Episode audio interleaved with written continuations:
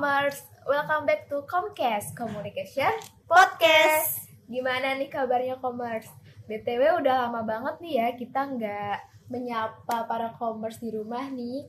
Gara-gara hmm, mungkin banyak banget yang request kayak kapan nih podcastnya muncul lagi? Udah kangen banget sama Comcastnya podcast gitu.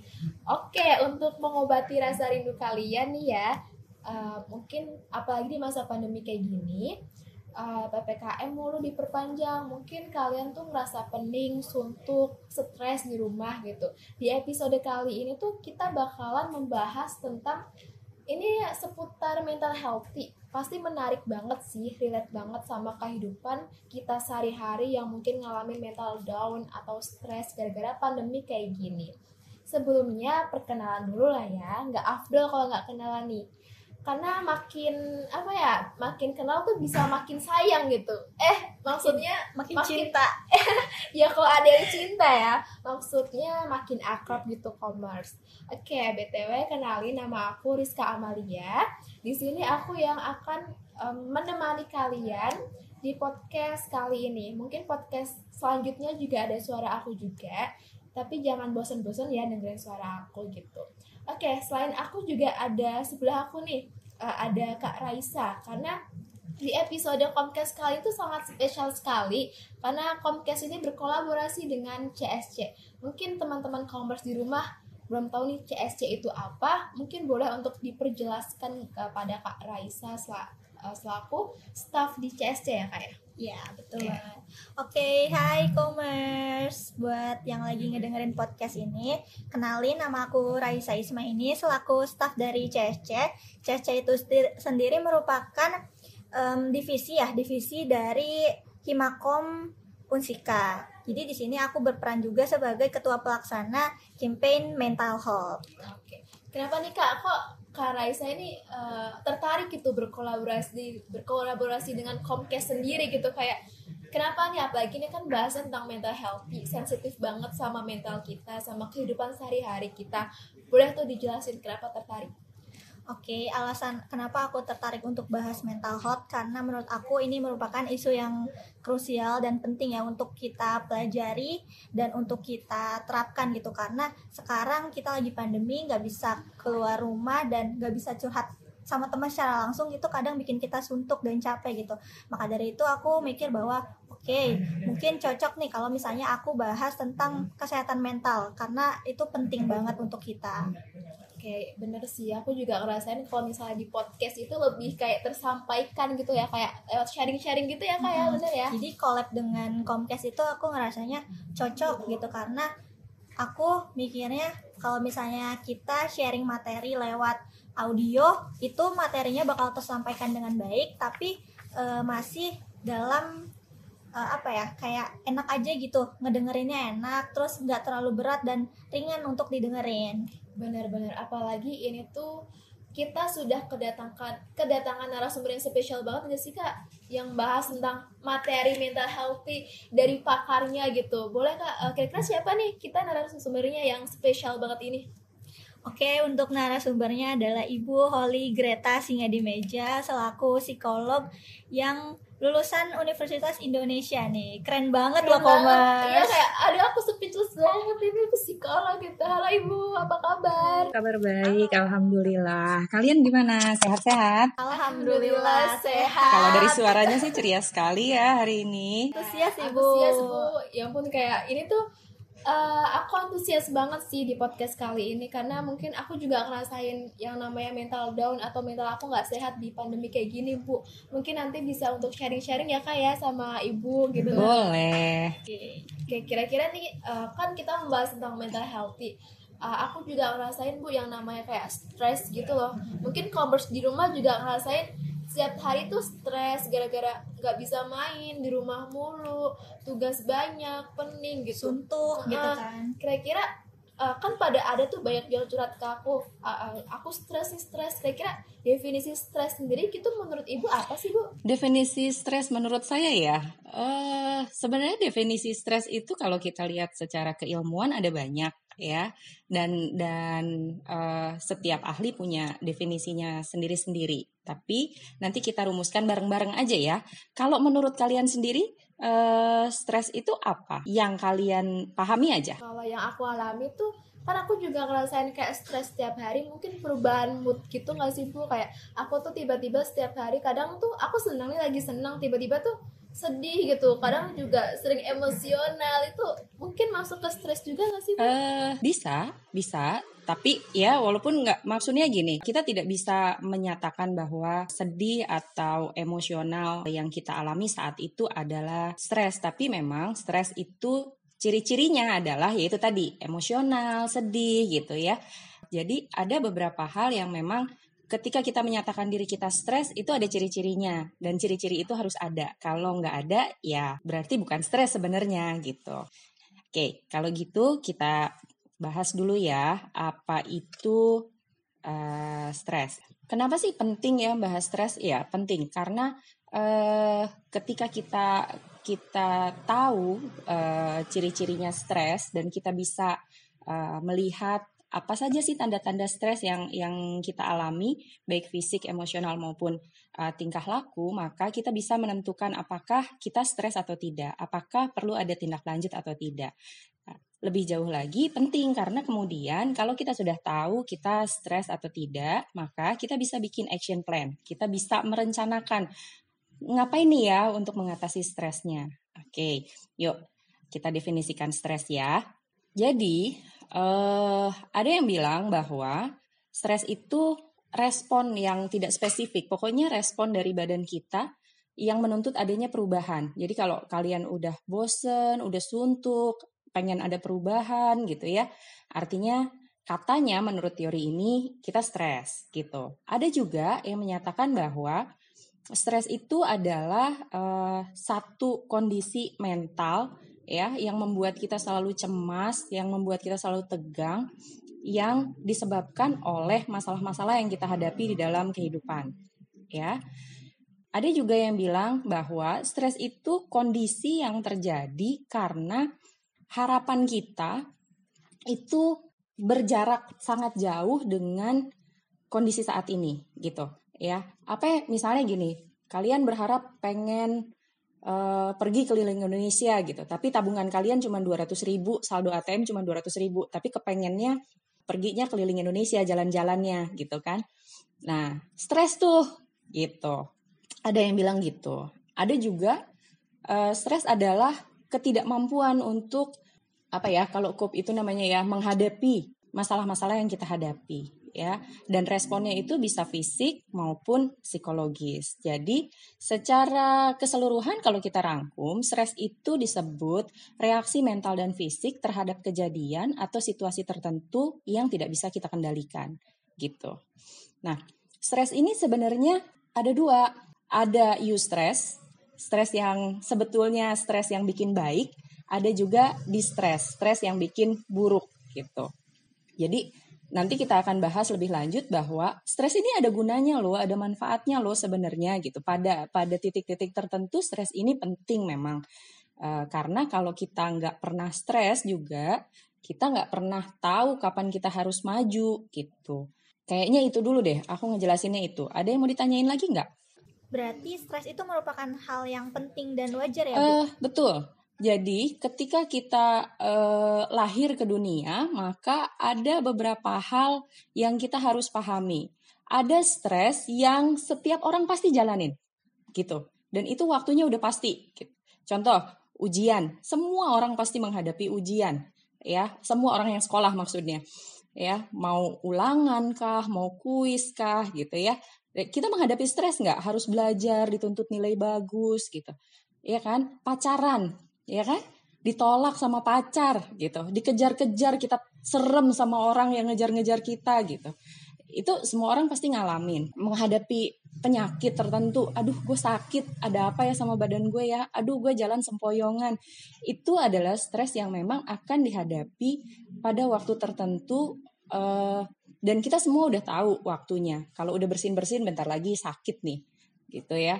Gimana ya caranya ya supaya bisa istirahat padahal ngadepin ujian, padahal besok kuis gitu.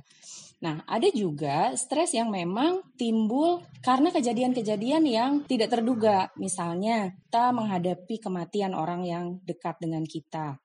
Atau kita sakit lalu difonis oleh dokter menghadapi penyakit yang tidak ada obatnya. Atau misalnya kita tiba-tiba dimaki-maki orang di pinggir jalan gitu ya. Itu kan hal-hal yang kita tidak tidak menduga gitu akan terjadi gitu. Nah, sekarang ini, saat ini, selama masa pandemi, yang terduga yang sudah terjadi adalah kita nggak bisa keluar rumah, stres. Biasanya main, biasanya ketemu orang, biasanya jalan-jalan, biasanya lihat pemandangan, sekarang nggak bisa keluar rumah.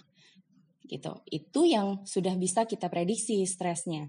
Tapi stres-stres yang kita hadapi selama pandemi apa?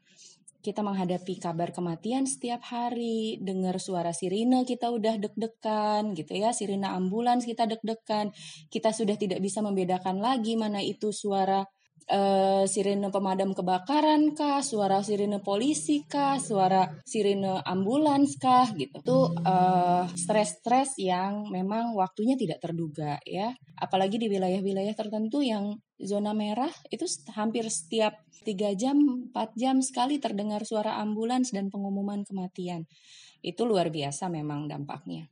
Benar-benar. Aku juga mungkin commerce atau Karaisa aku juga ngerasain sih kayak gitu. Apalagi tuh kayak uh, angka kematian kasus COVID itu semakin meningkat itu bikin stres banget. Betul, betul. Iya, bener banget. Mm -mm. Terus uh, kalau misalnya tanda-tanda kita stres itu ada tanda-tandanya nggak sih Bu? Tanda-tanda spesifiknya tuh kayak gimana? Uh, stres ini tanda-tandanya uh, meliputi tiga ranah ya. Satu secara fisik, dua secara emosional, tiga secara tingkah laku. Nah, uh, ada yang di sini ya tanda-tanda kamu stres secara fisik, emosional dan tingkah laku. Secara fisik, pertama degup jantung kamu jadi nggak normal bisa jadi degup jantungnya berjalan lebih cepat, lebih banyak deg-degan, atau bisa jadi lebih lambat gitu. Taunya dari mana? Ya kita bisa ngerasain kok degup jantung kita sendiri. Kita sering berdebar atau bahkan kalau misalnya degupnya jadi lebih rendah, kita jadi lebih ngantuk gitu ya. Bawaannya lesu, pengennya uh, duduk aja atau berbaring aja itu tanda-tanda degup jantung kita uh, nggak normal. Terus tangan kaki bergetar atau tangan kaki basah gitu ya. Kalau cek ke dokter tekanan darahnya tinggi, terus tangan kita pengennya terkepal terus karena kita merasa tegang gitu. Bisa juga kan eh, yang terjadi secara fisik bisa sakit kepala, tegang, kram gitu ya. Lalu kemudian pencernaan kita tidak baik. Pencernaan tidak baik itu kelihatan kalau stres nih mulai mual ya tidak mual tapi cepat mules gitu ya. Aduh, kok mau mules? Pernah nggak sih kalian mau ujian lisan terus tiba-tiba mules gitu? Aku pernah nah, kalau mau presentasi. Iya. Biasanya suka tiba-tiba mules. Iya. Tangan tuh telapak tangan tuh udah keringetan gitu ya sambil gemeteran, ya kan? Nah, jadi kalau kita lihat dari ciri-ciri fisik, maka setidaknya ada empat tanda-tanda ini yang kita alami baru kita bisa sebut bahwa fisik kita mengalami stres. Empat ya. Kalau cuma satu belum tentu, bisa jadi kamu sakit, ya tekanan darahnya tinggi. Terus kamu bilang, wah saya stres nih, tapi ciri-ciri yang lain nggak ada. Jangan-jangan itu salah makan jadi tekanan darahnya tinggi. Next, ada ciri-ciri secara emosional. Satu, sering cemas, ya kepikiran terus, overthinking, terus kamu jadi khawatir berlebihan, jadi cepat tersinggung, tidak sabaran, ya kan? Segala sesuatu dilakukan dengan gerasa gerusu, ya. Terus merasa tertekan, terus merasa kayaknya aduh beban banget gitu ya. Aduh kayaknya yang aduh jadi takut, serba tegang gitu lalu kemudian tidak nggak jadi nggak fokus gitu. Ada aja barang ketinggalan lah gitu ya. Karena nggak fokus. E, lupa naruh handphone kacamata lagi dipakai kita cariin. Tadi kacamata di mana ya gitu. Karena tidak fokus. Lalu kemudian kalau baca buku nggak ngerti dibaca lagi berulang-ulang gitu. Karena tidak fokus gitu ya. Lalu kemudian yang terakhir adalah merasa kewalahan. Kayaknya tuh banyak banget yang harus dikerjain nggak ada yang selesai satupun tapi sebenarnya kalau kalau kalau dipikir lagi apa ya yang aku kerjain? Nggak ada gitu. Ya apa ya anak anak-anak zaman sekarang nyebutnya apa ya? Overwhelm. Jadi kok kayaknya uh, semuanya uh, jadi beban kita capek banget. Tapi kalau dipikir-pikir yang kita kerjain juga nggak ada gitu. Nah ini adalah tanda-tanda stres secara emosional gitu ya Nah, sama seperti tadi, minimal stres secara emosional ini ada empat yang muncul baru kita bisa bilang bahwa kita stres, ya. Kalau misalnya cuma satu atau dua, let's say misalnya sering cemas atau takut berlebihan gitu ya.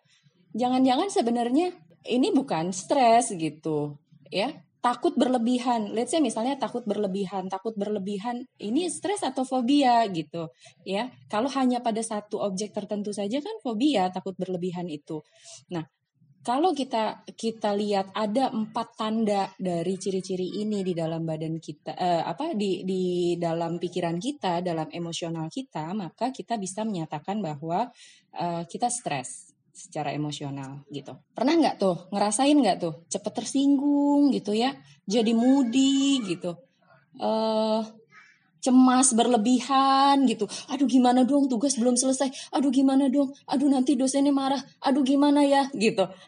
Relate banget ke kehidupan aku mungkin commerce juga Karaisa juga kayak aku juga sering cemas takut berlebihan gitu apalagi kalau Karaisa rapat-rapat gitu sering cemas gak sih takut grogi kalau rapat ya apalagi rapat besar gitu mau ngomong A aja kayaknya udah langsung aduh kebelat tipis aduh gimana takut salah gitu kan takut aduh gimana tangan udah panas ya, gitu betul Iya, itu secara emosional ya. Terus misalnya ada orang ngomong terus kita tiba-tiba tersinggung gitu, ya. Terus kalau misalnya janjian kita nggak sabaran gitu kan, baru orang telat lima menit kita udah emosian ketika dia bilang maaf ya, maaf maaf gitu, kitanya nyolot. Gitu. Nah itu tanda-tanda stres emang.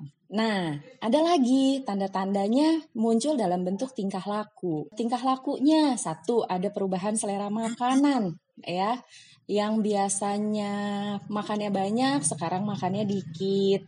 Yang biasanya sukanya sate sekarang nggak ah nggak nafsu gitu ya. Ada yang eh, biasanya nggak suka manis sekarang pengennya yang manis melulu. Aduh pengen es krim aduh kayaknya pengen nyemil permen aduh kayaknya gitu. Ya itu ada perubahan uh, selera makan. Lalu kemudian uh, ada perubahan pola tidur. Perubahan pola tidur ini sering kali dikeluhkan adalah sulit tidur, insomnia. Padahal sebenarnya bukan cuma sulit tidur. Kalau udah tidur, sulit bangun, atau bahkan di dalam mimpi tuh udah tahu harus bangun nih. Ah enggak, udah lanjutin aja tidurnya. Itu termasuk salah satu ciri-ciri stres. Jangan salah. Jadi orang yang kepengen tidur lagi, tidur lagi, tidur lagi, udah bangun pun dia duduk, ah tidur lagi ah. Itu stres gitu. Kenapa? Karena lebih baik menghadapi mimpi, tidur, nggak menghadapi orang lain, tidak menghadapi tugas-tugas, daripada dia bangun lalu menghadapi situasi yang menegangkan, ya. Lalu kemudian tanda-tanda tingkah kelaku kita nih, jadi pelupa gitu ya. Orang udah curhat panjang lebar, terus udah gitu kamu yang emang kapan kamu cerita ini kok aku nggak pernah tahu ah tuh bahaya banget itu ya ah, ah. Nah, kadang-kadang nih kalau kita lagi pacaran, Beb, besok kan anniversary kita. Masa sih? Bukan. Itu bukannya masih seminggu lagi ya. Ya, sumber berantem nih. Hati-hati. Itu kayak bakal kalau jadi pacarnya. Iya. Iya, padahal kemungkinan besar memang uh, pasangan kitanya lagi stres sehingga banyak hal yang boro-boro anif gitu makan aja gue lupa gitu kan. Iya benar. Oke okay. nah lalu kemudian acting out. Acting out ini artinya apa ya? Bahasa anak sekarang apa ya kalau acting out ya? Lebay. Segala sesuatu di apa ya ditanggapi dengan berlebihan gitu ya. Itu anak sekarang tuh nyebutnya lebay. Ah lebay lo gitu Kenapa? Karena memang kalau orangnya lagi stres segala sesuatu uh, jadi emosional sehingga dia menanggapi segala sesuatu dengan emosional gitu.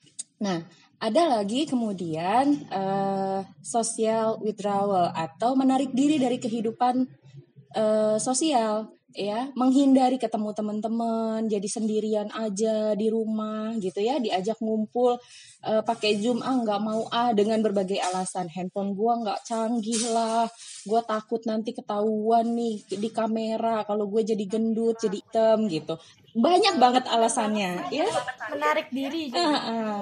lo ngerasa insecure gitu ah nggak mau ah nggak mau diajak ke. Iya. Ah nggak mau posting ah di Instagram. eh fotonya jelek-jelek, aku scrolling aja ngeliatin orang yang fotonya bagus-bagus gitu. Kalau di DM terus langsung buru-buru sign out gitu kan? Iya, ya itu salah satu tanda-tanda kalau kamu eh, stres. Lalu kemudian konsumsi kafein dan zat-zat lain meningkat. Sorry nih ya, eh, saya pakai istilah zat lain karena sebenarnya eh, konsumsi zat lain di sini bukan hanya obat dan narkoba, nggak ke situ ya. Misalnya gini, jadi pengen ngopi terus ya, itu kan kafein isinya. Dengan sengaja nih belanja online kopi, kopi, kopi, kopi, kopi gitu. Seliter, seliter, apalagi manfaatin promo kopi seliter di Starbucks sekian gitu kan. Bukan cuman kopi gitu. Artinya eh, kafein ini diiringi dengan zat-zat yang lain, let's say gula, jadi kepengen makan yang manis-manis terus gitu ya. Eh, terus misalnya eh, obat pereda nyeri karena sakit kepala terus-terusan jadi minum paracetamol terus atau eh, zat-zat analgesik lainnya gitu. Jadi artinya konsumsi-konsumsi eh, yang sebenarnya membahayakan itu akan tanpa sadar meningkat. Kita jadi ngopi terus, kepengen yang manis-manis terus, ke- kepengen makanan-makanan MSG terus. Ah, kayaknya tuh kalau nggak ada micin tuh hidup kurang lengkap gitu ya. Nah, konsumsinya meningkat gitu. Konsumsi-konsumsi itu tuh meningkat gitu. Ya, terus yang aduh bentar-bentar sakit kepala, minum paracetamol lah, minum apalah gitu. Sehingga kita nggak bisa bilang bahwa itu hanya kafein, tapi kafein dan zat-zat lain gitu. Ya. Terus kehilangan konsentrasi, ya. Ketika diajak ngobrol, tiba-tiba jawabannya nggak nyambung karena nggak konsen gitu. Terus eh, mood swing, mood swing ini terutama khusus untuk perempuan itu berasa banget karena perem- eh, gimana saya menjelaskannya kepada teman-teman cowok ya para pendengar cowok nih eh, pasti bingung mood swing tuh apa sih gitu? Mood swing tuh perubahan emosional kita terutama karena hormonal gitu. Eh, ketika kita mau mens maka mood swingnya dari hormonal 0 itu naik jadi 30 gitu. Jadi kan 30 aja tuh kita pengen berantem aja sama semua orang ya. Semua hal terjadi di dunia ini salah aja gitu. Emosi rasanya pengen nangis melulu gitu. Tapi kalau udah selesai terus kita bisa cekikikan. Abis abis nangis nangis tuh yang terus makan es krim yuk terus kita cekikikan gitu. Ya? Iya. Relate banget apalagi ibu. Nangis nangis terus kita ngaca. Ketawa ketawa. Nah, ya. Seringkali mood swing ini kita tandai sebagai tanda-tanda nih besok gue mau mens gitu. Atau kayaknya bentar lagi mens. Bisa jadi, sangat-sangat bisa jadi besar kemungkinan kalau kamu stres nggak perlu pakai mens kamu mengalami mood swing gitu ya. Kamu berantem sama pacar pagi, berantemnya derdor, 10 menit kemudian kamu ketemu sahabat kamu, terus kamu cekikikan bisa sangat-sangat bisa terjadi itu tanda-tanda stres. Nah, sama seperti tadi fisik eh, emosional dengan eh, behavioral ini juga tanda-tandanya minimal harus ada empat. Artinya kalau stres itu terdiri dari tiga ranah, ada fisik, ada emosional, ada tingkah laku, dan masing-masing minimal ciri-cirinya harus ada empat, kita harus tahu bahwa kita menyatakan diri stres apabila ada 12 ciri ini gitu ya 12 ciri 4 di fisik 4 di emosional 4 di tingkah laku. Itu harus ada. Baru kita bisa bilang seseorang stres ya. Kalau cuman tiga ya bisa jadi bukan stres gitu. Itu sih ya kehidupan berjalan aja memang harus begitu. Untuk stres ini sebetulnya kita boleh self diagnose gak sih bu sebetulnya? Itu tadi diajarin self diagnosnya ya. Ciri-ciri fisik dari sekian banyak yang saya sebutkan minimal ada empat emosional dari sekian banyak minimal ada empat. Behavioral atau tingkah laku dari sekian banyak ciri-ciri minimal ada empat. Dan itu berlangsung eh, secara konsisten selama selama dua hari lebih gitu. Lebih dari dua hari terus-terusan kayak gitu. Gitu. Itu boleh self diagnose menyatakan wah gue stres nih gitu. Udah dua hari nih jantung berdebar-debar, gue jadi sering mules-mules, terus makan apa pun jadi nggak enak, pengen makan yang manis-manis terus, pengen ngopi terus, susah tidur, udah dua hari nih, jadi pelupa, apa-apa lebay, bentar-bentar nangis, bentar-bentar ngambek, bentar-bentar berantem, ya ini gue stres, itu boleh gitu ya. Tapi ingat ya, ciri-ciri fisik minimal 4, emosional minimal 4, behavioral atau tingkah laku minimal ada 4 dan itu terjadi konsisten lebih dari dua hari. Oke baik Ibu, untuk stres ini sebetulnya ada positifnya nggak sih Bu? Ada. Nah gini, ketika uh, satu event stres ya itu membuat kita terpuruk, terpuruk banget, sedih banget, namanya distress ya ketika uh, gini, saking stresnya nih udah nggak mau bangun dari tempat tidur, nggak mau makan, nggak mau eh, nggak uh, mau ngapa-ngapain, mandi juga ogah, pengennya tiduran aja, terserah aja nyokap mau teriak-teriak, biarin aja temen-temen di grup ngomong apa gitu ya. Pokoknya kita cuman scroll aja sambil tiduran di rumah. Kesannya kesannya tuh anak rebahan banget ya. Aduh, semua orang deh katanya seluruh Indonesia pengennya begitu. Tapi itu adalah tanda-tanda bahwa kita stres sebenarnya. nah, pada kondisi yang kita sudah nggak mau ngapa-ngapain itu, itu disebut distress. Dan ini bahaya karena kalau berlarut-larut kita bisa mengarah kepada depresi gitu ya. Tapi uh, eustress, uh, eustress itu artinya uh, suatu kondisi di mana kita tertekan tapi kita kemudian menjadi termotivasi gitu. Uh, stres itu pada satu titik tertentu perlu karena akan memotivasi kita mencapai tujuan-tujuan hidup ya. Misalnya stres ngadepin deadline gitu ya, deadline-nya mepet gitu kan. Nah, yang tadinya nggak pernah baca buku mau nggak mau baca buku, yang nggak pernah ngadepin laptop mau nggak mau begadang sampai pagi ngadepin laptop, pokoknya tugas harus kelar gitu ya. Stres karena tuntutan tuntutan dari orang tua, masa sih kuliah online di rumah nilainya masih jelek juga kan belajarnya sambil di rumah nggak ke mana-mana gitu ya. Stres kan, iya kan. Terus kita termotivasi tuh gimana caranya bikin catatan lah, ngetik-ngetik lah, googling lah, browsing lah.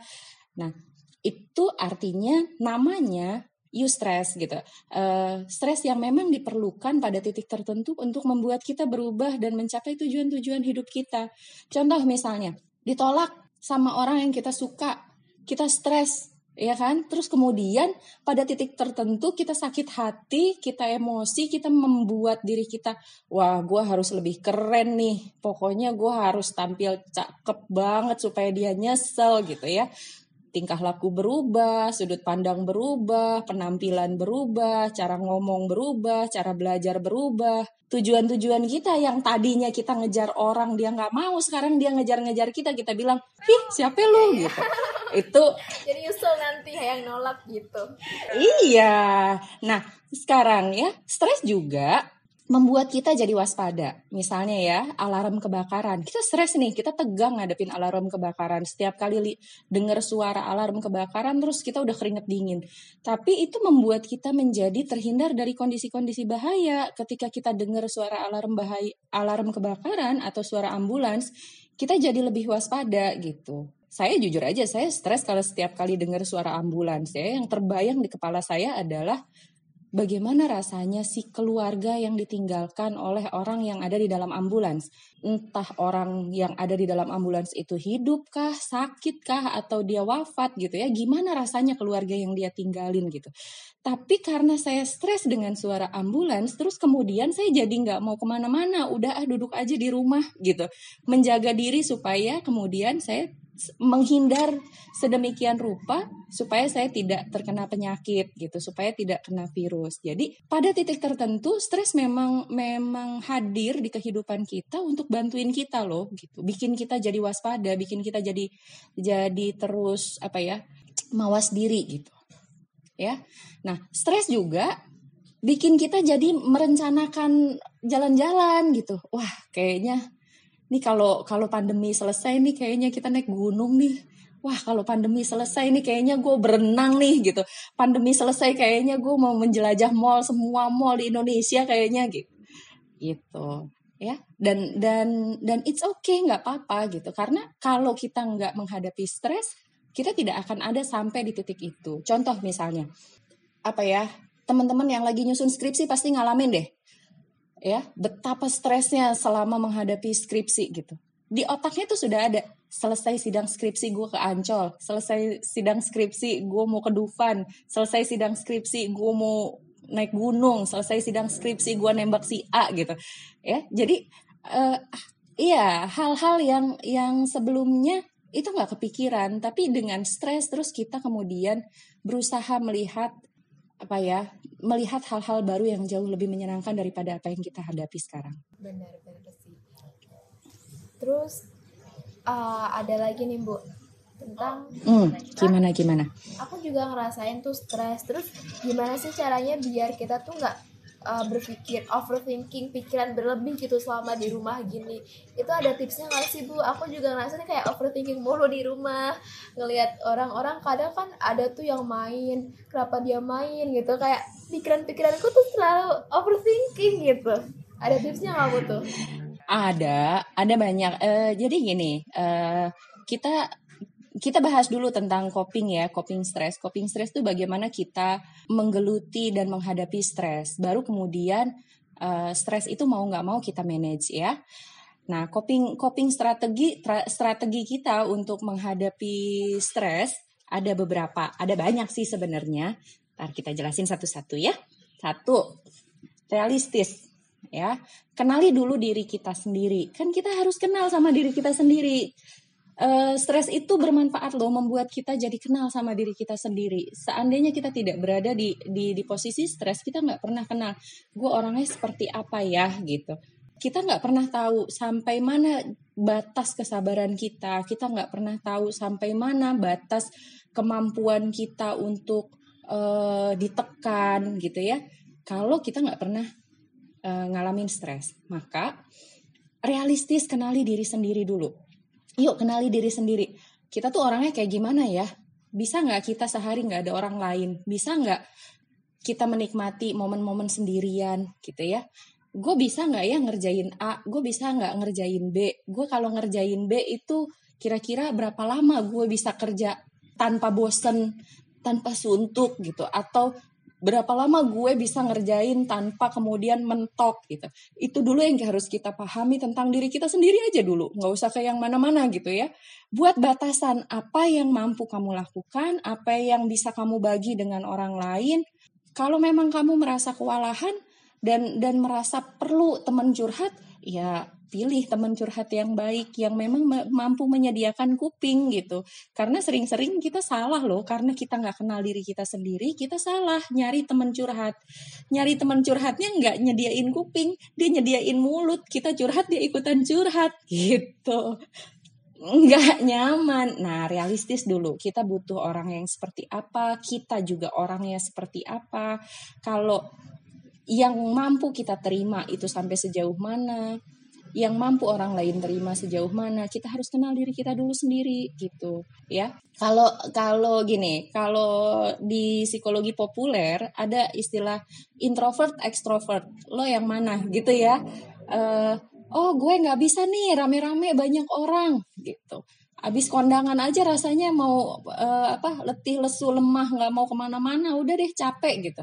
Ada juga orang-orang yang oh gue harus ada banyak orang terus. Nah kenali diri sendiri. Begitupun ngadepin tugas-tugas numpuk, ngadepin keluarga. Pahami dulu, gue nggak bisa nih gue orangnya nggak bisa ngadepin orang yang teriak-teriak jadi gue kalau nyokap marah-marah gue nggak bisa ngadepin dari dari kita meng, menjadi realistis, kita sadar tentang diri kita sendiri, kita tahu bagaimana cara menghadapi orang lain, orang-orang terdekat di sekeliling kita. Nah, lalu kemudian berhenti berusaha menjadi superhero atau menjadi sempurna karena tidak ada manusia yang sempurna, tidak ada juga manusia yang bisa menyelesaikan semua hal nggak perlu juga kamu teriak-teriak ke semua orang, woi jangan keluar rumah, nanti pandeminya nggak beres-beres gitu ya. Ya nggak perlu gitu, biarin aja orang lain dengan haknya mereka gitu. Kenapa? Karena mereka semua di dalam rumah pun nggak nggak jadi jaminan bahwa mereka akan baik-baik aja di rumahnya masing-masing. Kan kita nggak tahu juga stres mereka justru di dalam rumah atau di luar rumah kita nggak tahu. Gue stres nih, gue di dalam rumah, terus gue stres ngelihat orang lain kok bisa orang lain pergi-pergi. Ya kita juga bisa, tapi kita memilih untuk di rumah. Jadi tidak mengharapkan apa ya? Uh, tidak mengharapkan orang lain jadi seperti kita, tidak berharap juga kita jadi seperti orang lain, tidak perlu segala sesuatunya sempurna. it's okay nggak masalah untuk tidak jadi sempurna itu penting gitu apalagi apalagi nih ketika kita dihadapkan pada tugas-tugas yang numpuk. Udahlah karena kita di rumah kita dituntut sama orang tua. Di rumah kok di kamar melulu nggak bantuin orang tua gitu ya. Tapi di kampus tugas-tugas bejibun banyak banget. Orang tua nggak pengertian dianggapnya karena di rumah nggak ke mana-mana jadi nggak ada tugas kampus gitu. Buat prioritas mana yang lebih penting dulu?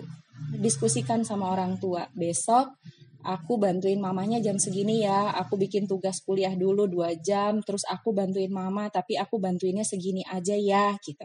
Jadi prioritas tuh penting untuk dibuat. Bikin deadline juga harus realistis, gitu. Jangan deadline ya, pokoknya satu buku harus selesai, besok pagi harus bisa ngerti semuanya, ya nggak bisa juga, ya kan? Nah, lakukan segala sesuatu tuh satu-satu lakukan segala sesuatu satu-satu. Jangan bareng-bareng. Nggak bisa kamu sholat sambil makan tuh nggak bisa. Either kamu sholat dulu baru makan atau makan dulu baru sholat. Nggak bisa juga mandi sambil makan. Nggak mungkin. Jadi kalau kamu mengerjakan sesuatu, jangan sekaligus. Lakukan satu-satu, pelan-pelan. ya Lakukan sambil nafas. Jangan sampai yang kamu lakukan nggak pakai nafas. Sehingga begitu selesai kamu ngas-ngosan, kewalahan. Jadi satu-satu, pelan-pelan, take a break gitu ya. Lalu kemudian berhati-hati dengan kritik. Baik kritik dari orang, nggak usah ditanggapin amat, pun ketika kita memberikan kritik kepada orang lain. Kita menerima kritik dari orang, jangan nggak usah nggak usah terlalu diambil hati. Kita menerima kritik dari orang lain, uh, kita memberikan kritik kepada orang lain, pun jangan sampai kita terlalu terlalu kejam sama orang lain gitu. Dan yang paling penting sebenarnya bukan kritik orang lain ke kita dan bukan kritik kita kepada orang lain. Yang paling penting adalah kritik kita pada diri sendiri. Kita tuh sadis loh kalau kalau mengkritik diri sendiri. Aduh gue item, aduh gue jelek, aduh gue gendut, aduh rambut gue lepek banget sih. Ya Allah gue kalau di foto jelek banget. Nah, bener aduh. banget sih bu, bener banget kayak ngechat diri sendiri gak sih itu namanya? Iya, ya jadi uh, apa ya bawa santai ya bawa santai gitu. Berhenti mengkritik diri sendiri. Oke? Okay? kamu sempurna nggak usah pakai superhero dan segala macam kamu sempurna. Ya yang paling penting itu. Jadi jangan terlalu keras sama diri sendiri. Tapi kadang ya? kita kondisi suka terbalik gitu hmm, gimana? Kadang kita bisa lebih untuk memuji orang tapi kita nggak bisa untuk memuji diri kita sendiri. Gimana kalau kita balik? Sebelum kita muji orang lain kita puji dulu diri kita sendiri. Perlakukan diri kita seperti kita memperlakukan orang lain. Kan kita selalu selalu terbalik nih. Selama ini saya dengar anak-anak selalu perlakukan orang lain seperti kita memperlakukan diri kita sendiri. Balik kalimatnya dibalik. Perlakukan diri kita seperti kita memperlakukan orang lain. Gitu. Ya. Jadi uh, harus lebih baik sama diri sendiri dulu sebelum kita baik sama orang lain. Betul. Karena apa-apa itu harus nah, berawal dari diri sendiri ya, Bu ya. Betul, ya. Kayak ini loh, ngasih kritik eh, ngasih kritik dan memperlakukan orang lain dengan baik tuh kayak kayak punya tabungan di bank ya kamu nggak bisa ngasih kritik ke orang lain kalau tabu eh, kamu nggak bisa ngasih uang ke orang lain kalau tabunganmu di bank kosong itu namanya ngasih cek kosong itu ngasih harapan palsu pun begitu, kamu nggak bisa ngasih kebahagiaan ke orang lain kalau diri kamu belum bahagia. Kamu nggak bisa mengkritik orang lain sebelum kamu mengkritik diri sendiri. Kritik diri sendiri dengan baik, baru baru kita bisa mengkritik orang lain dengan baik, ya. Nah, berikutnya adalah share feelings, ya. Share feelings ini uh, buat saya ini menjadi penting. Kenapa? Karena biasanya ketika kita menghadapi stres, Share feelings ini adalah satu yang paling sulit dilakukan terutama kepada keluarga. Kita uh, teman-teman deh, teman-teman sebagai remaja uh, dan dewasa muda yang awal-awal itu biasanya sepertinya jauh banget sama keluarga. Seakan-akan keluarga tuh adalah sosok paling asing gitu di kehidupan kita. Kita lebih deket sama pacar, kita lebih deket sama uh, sahabat, kita lebih deket sama uh, insta seleb kita lebih deket sama uh, apa ya artis-artis atau atau eh, selebriti uh, daripada sama keluarga sendiri seakan-akan mereka adalah satu-satunya pihak di dunia yang nggak akan paham sama kita padahal mindsetnya harusnya dibalik. Kenapa? Karena mereka adalah orang yang paling kenal kita dari kita lahir, gitu. Mereka yang paling tahu. Mereka yang ngerti kita kayak gimana. Mereka yang lihat perubahan sikap kita mulai dari kita lahir, kita belajar jalan, kita masuk sekolah gitu. Tahap demi tahap mereka yang paling ngerti. Tapi besar sekali kemungkinan terjadi mereka juga punya ketidakmampuan untuk mengungkapkan gitu. Jadi cara komunikasinya yang salah. Share feeling penting untuk tetap terhubung dengan keluarga dan orang-orang terdekat. Ya, e, negatif nih lingkungan keluarga gue. Ya, negatif karena kita memilih untuk berkomunikasi dengan cara negatif. Penting loh feelings ini ya. Nah, Lalu Bu untuk ngebangun hubungan yang baik sama keluarga biar kita bisa gampang itu untuk curhat sama keluarga tuh kayak gimana ya Bu? Kadang dengan keluarga sendiri pun kita sulit untuk apa ya mengekspresikan perasaan kita yang lagi kita rasain sekarang misalnya kita selalu uh, ngerasain kayak aduh gue jelek gitu kan. Aduh uh, kenapa sih kayak gini? gitu. Tapi kan kadang keluarga responnya kadang suka ngejudge kita kan bu. Jadi mungkin ada beberapa kasus gitu uh, beberapa orang yang bingung untuk share tentang perasaan mereka ke keluarga mereka gitu bu. Terus solusinya gimana ya bu? Baik. Uh, susah ya emang kalau kalau harus ngomong sama orang tua sama keluarga sama kakak adik itu susah gitu. Beneran itu itu beban mental sendiri. Ya nggak sih? Kita ngerasanya mereka semua sibuk sama dunianya masing-masing gitu. Terus udah gitu ya terus kalaupun kita cerita belum tentu mereka ngerti. Jadi mungkin waktunya aja kali yang salah ya uh, karena tiap orang beda loh waktunya. Beneran serius. Gini contoh ya. Kebayang gak sih sama bokap? Bokap udah capek seharian di kantor gitu ya. Di mana pun lah tempat beliau bekerja. Atau anggaplah misalnya bokap lo nggak gawe gitu ya. Bokap lo di rumah seharian. Bukan berarti dia kemudian tidak kepikiran bagaimana besok makan kan? Ya nggak sih dia juga kepikiran, dia khawatir gitu, besok makan apa, dia takut anaknya ada yang sakit dan segala macem. Lalu dengan semua pikiran-pikiran itu, lo datang bawa curhatan lo. Murka nggak sih bapak lo? Tuh misalnya ya, bokap, uh, bokap lo punya kerjaan dan kerjaannya itu banyak, capek, dia pulang ke rumah tuh pengen istirahat gitu. Pengen tiduran, pengen tenang, terus lo dateng dengan curhatan lo, rasanya gimana sih gitu. Sama kayak lo balik dari kampus. Pernah kan ngalamin nih ya pulang dari kampus udah capek udah lusuh pengennya mandi terus tidur aja gitu. Terus tiba-tiba nyampe rumah semua orang ribut dan lu bete gitu. Aduh kan gue pengennya istirahat gitu. Nah jadi cari waktu yang tepat ya. Momennya yang tepat cara ngomongnya ya harus asertif ya. Uh, kita harus asertif. Artinya kita mampu menyampaikan apa yang ada di kepala kita dengan baik gitu. Uh, dengan cara yang manis gitu. Apa ya? Tar dulu. Gimana ya cara ngomong sama orang tua? Pertama sekali cari waktu yang tepat. Yang kedua, sebelum kita curhat, kita dengerin mereka dulu. Mereka lagi moodnya lagi baik nggak? Jangan-jangan kita mau curhat, mereka sebenarnya butuh tempat curhat yang lebih gitu. Ya mereka lebih butuh untuk didengarkan. Setelah kita dengerin mereka kita manggut-manggut kita paham bahwa kondisi mereka juga tidak baik kita akan milih waktu kapan dia akan lebih baik gitu. Ya kita dengerin mereka bikin teh manis duduk ngobrol. Terus mulai deh kalau menurut aku ya gitu.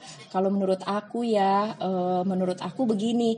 Jadi sebelum kita cerita, curhat, kita dengerin dulu mereka gitu. Baru kemudian kita curhat, baru kemudian kita bilang, aku juga sama, aku ngalamin begini gitu. Bisa dimulai sih sebenarnya. Nah, masa pandemi ini kalau saya perhatikan adalah momen yang dikasih sama Tuhan supaya kita lebih dekat sama keluarga karena tiap hari ketemu gitu.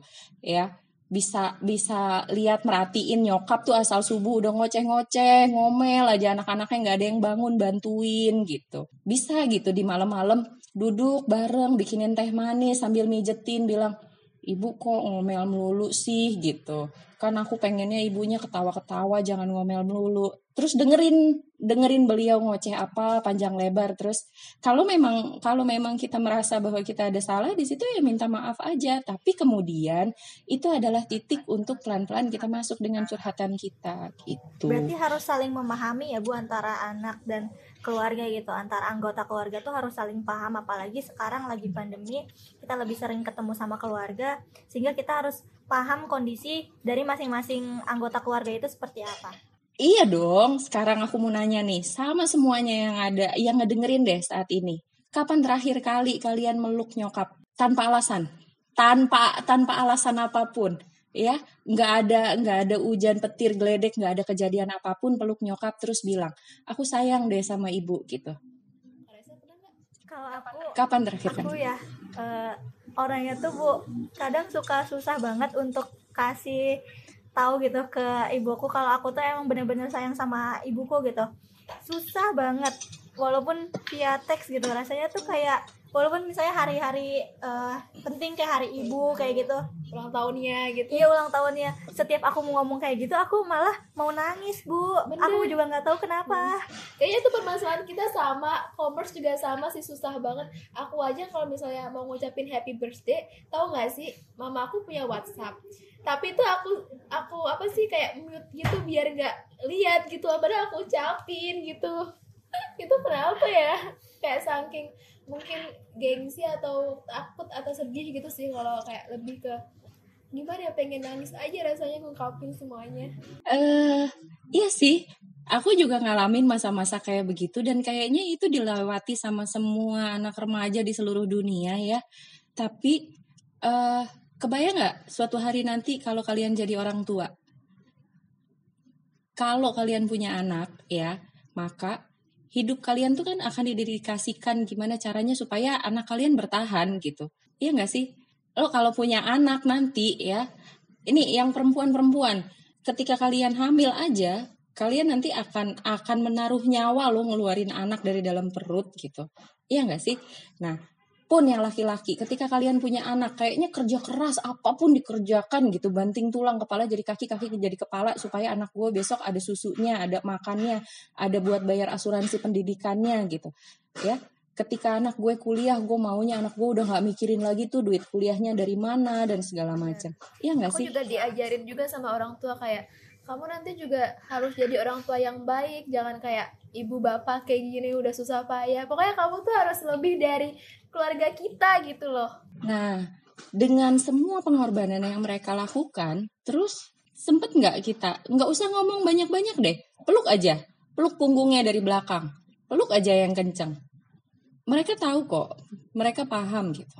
Apa? Sebelum mereka tidur, minta peluk dulu dong gitu. Peluk aja sebelum tidur. Nggak usah lama-lama, dua menit aja peluk.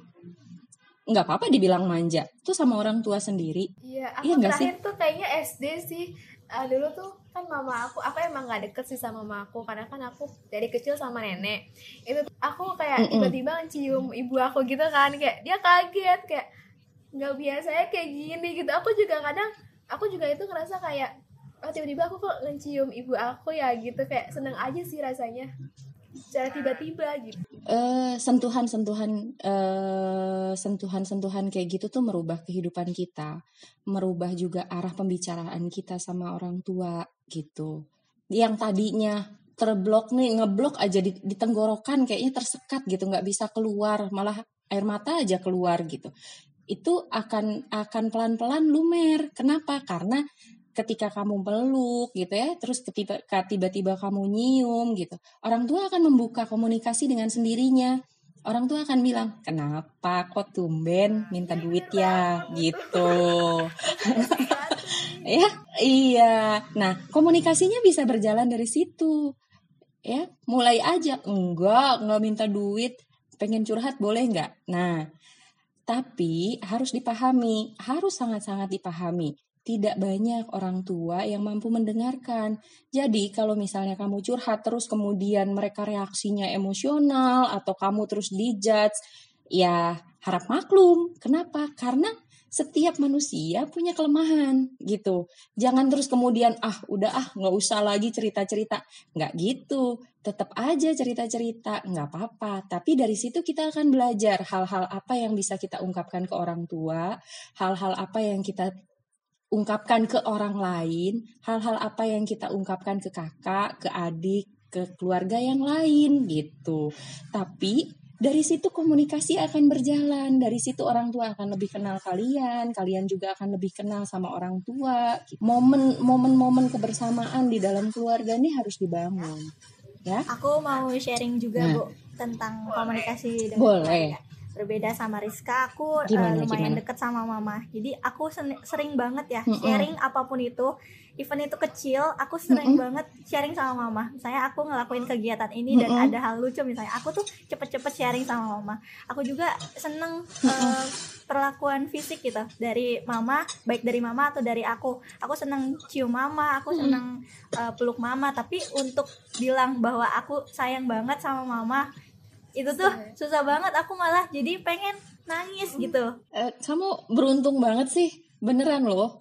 Karena nggak banyak orang-orang yang bisa kayak kamu eh, bersahabat sama nyokap gitu ya, eh, menjadikan nyokap tempat curhat, tempat cerita, semua hal dibagi sama nyokap. Yakin deh, yang ngedengerin kita sekarang juga pasti banyak banget yang ngerasa bahwa ah gue mah biasa aja nyokap cuman orang lain yang ada di rumah yang yang mau nggak mau gue minta duit sama dia udah gitu aja gitu. juga kadang merasa Ya, iri sih kayak Eh, kok bisa ya dia sedekat itu even kayak sharing bareng gitu kayak kok bisa gitu? Sedangkan aku tuh nggak bisa kayak dia kayak sharing sama mama pun kayak ngerasa apa ya canggung gitu loh bu.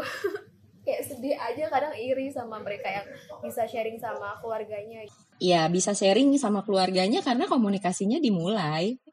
Dicoba deh, ya. Eh dan sering kali rasa sayang kita tuh nggak perlu pakai kata-kata. Tapi ya setahun sekali mah minimal waktu lebaran atau minimal waktu dia ulang tahun kita bilang kalau kita sayang sama dia perlu. Perlu beneran, serius. Itu hadiah terbesar buat keluarga. Ya, kita menyatakan diri bahwa kita sayang sama beliau, kita kita sayang nih sama kakak kita, sama adik kita, sama ayah kita, sama ibu. Itu hadiah terbesar dalam kehidupan berkeluarga. Ya. Kemudian yang harus kita lakukan untuk stres adalah menemukan support system. Support system adalah kita mengenali uh, orang-orang yang kita tahu enak untuk uh, ketawa-ketawa bareng, ya. Karena ada orang-orang yang enak dicurhatin, nggak enak buat ketawa bareng, gitu. Ada orang yang enak buat bikin tugas kelompok bareng, tapi nggak banget kalau buat dicurhatin. Bener nggak sih? kan selalu ya kalau tugas-tugas kuliah ya kerjakan dalam kelompok ah gue kelompoknya si A si B si C gitu tapi eh, main yuk jalan yuk ke mall yuk ah si A si B si C nggak usah deh gitu ya karena beda gitu nah kita harus menemukan kita harus tahu oh kalau untuk masalah akademik gue ke sini oh untuk masalah eh, ketawa-ketawa cekikikan gue ke sini gitu dan jangan salah, jangan salah nih kalau kita salah milih orang, kita berharap kita bisa ketawa-ketawa, kita malah tambah stres. Gitu, ya. Kenapa? Karena setiap orang gaya humornya beda. Ada orang-orang yang gaya humornya adalah ngejatuhin ngejatuhin orang lain gitu. Misalnya, "Eh, lihat deh nih si ini nih, tuh lihat tuh pahanya udah gede banget." gitu ya.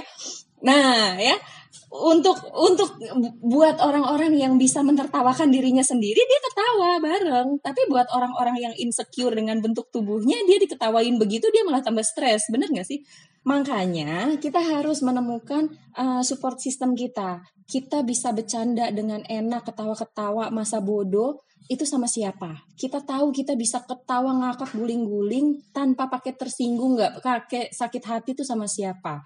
Gitu. Kita bisa pinjem duit dengan enak nggak pakai mikir lagi karena kita tahu orang itu uh, juga akan melakukan hal sama ke kita itu ke siapa? Itu harus ditemukan orang-orang yang kayak gitu. Itu finding your support system. Orang-orang yang kita tahu dia bisa diandelin buat ketawa-ketawa. Gue tahu nih nih orang bisa diandelin buat ngerjain tugas bareng. Sama-sama kita tuh nggak kerja sendirian gitu. Itu harus ditemukan gitu ya. Dari situ kemudian kita punya link, dari situ kita punya jejaring, dari situ kita tahu bagaimana menghadapi dunia karena kita tahu kita ada punya teman-teman yang bisa diandalkan kapan pun. Kemudian yang berikutnya adalah merubah sikap. Ya, masalah tuh semua orang ngadepin masalah. Setiap orang pernah punya sakit, tiap orang pernah kecewa, tiap orang pernah ngadepin masalah yang gede banget dan setiap orang masalahnya beda-beda. Bener gak sih? Masalah gue nggak punya duit. Nah, masalah lo nggak punya duit. Lo butuh duit berapa sejuta? Gue butuh duitnya 2 miliar. Ya kan? Tapi sama-sama nggak punya duit nih ceritanya. Sama-sama butuh duit gitu. Nah, tapi yang harus dirubah apanya? Yang harus dirubah adalah sikap kita terhadap duit itu gitu. Ya, sikap kita menghadapi masalah. Kita kadang-kadang perlu melihat suatu masalah dari sudut pandang yang berbeda. Ketika, aduh gue nggak punya duit nih gitu ya sama gue juga nggak punya duit nih gue mesti bayar kosan. Gue belum makan.